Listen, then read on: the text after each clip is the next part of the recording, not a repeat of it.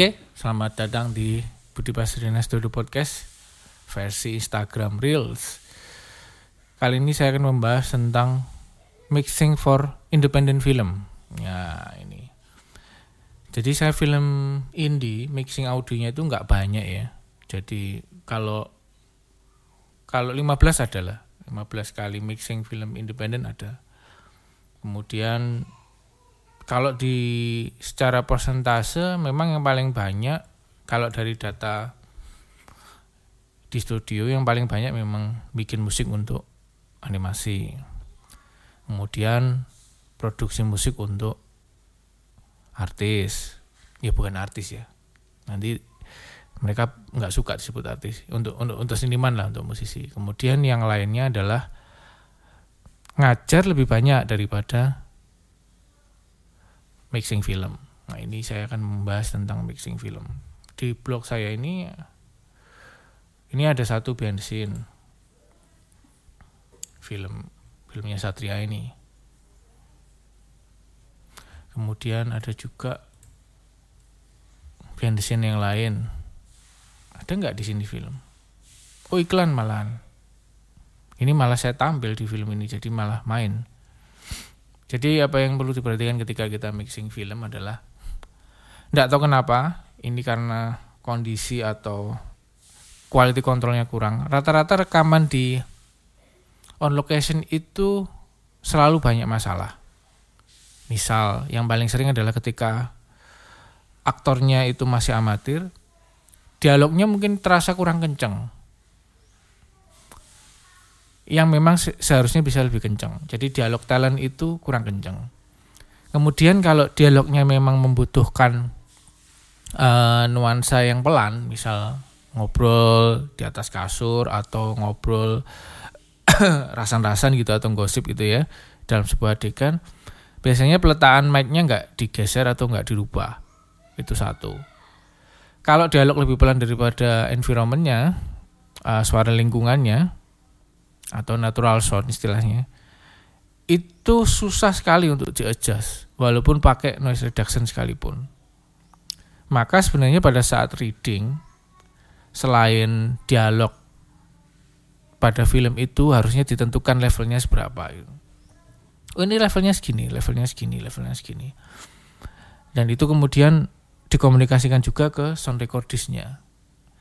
Jadi kendala pertama itu dialog dialog ini penting banget.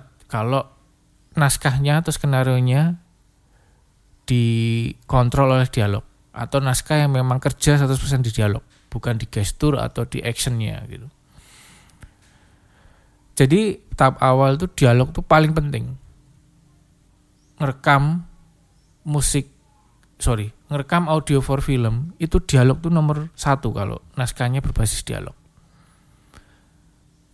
kalau environmentnya berisik, maka secara natural harusnya talent itu akan ngomong di atas noise lingkungannya.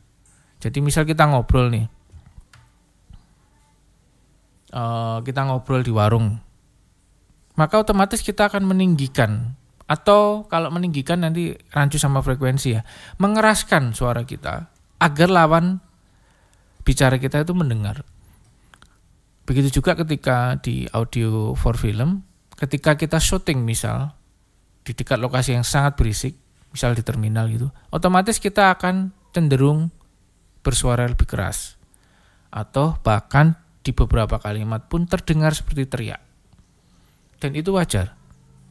Nah biasanya untuk aktor-aktor yang belum memahami ini, olah suara ini, maka aktor tersebut tidak bisa membedakan antara ketika dia harus harus membawakan naskahnya di lingkungan yang memang benar-benar perlu keras atau memang natural soulnya keras mana yang dia harus berbicara secara lebih pelan misal di dalam kamar atau apa atau kegiatan apa gitu.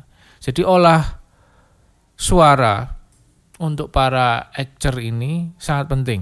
Bukan hanya sekedar bukan hanya sekedar gesturnya bukan sekedar actionnya gerakan atau apa pun yang ada di wajah gitu atau bahkan mimik itu juga penting. Jadi kira-kira seperti itu. Lalu apakah musik, sound effect, mixing, noise reduction dan sebagainya penting? Itu hal yang membangun vokal sebenarnya. Dalam persepsiku mixing audio for film,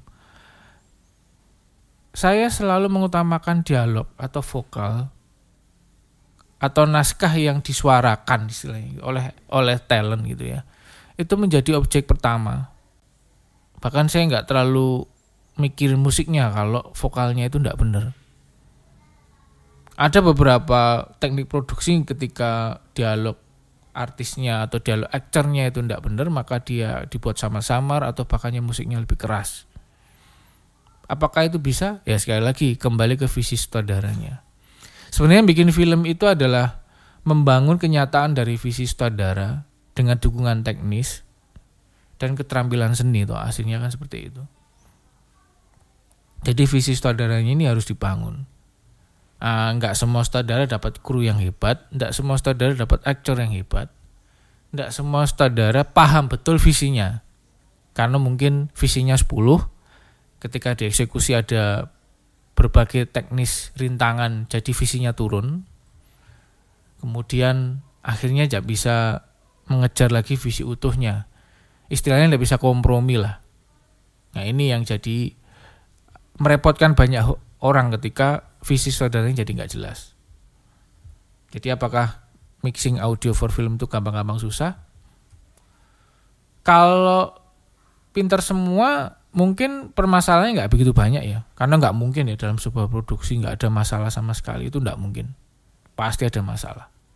Kira-kira seperti itu podcast kali ini tentang mixing audio for film. Utamakan rekaman dialog aktornya jelas. Itu yang pertama. Terima kasih.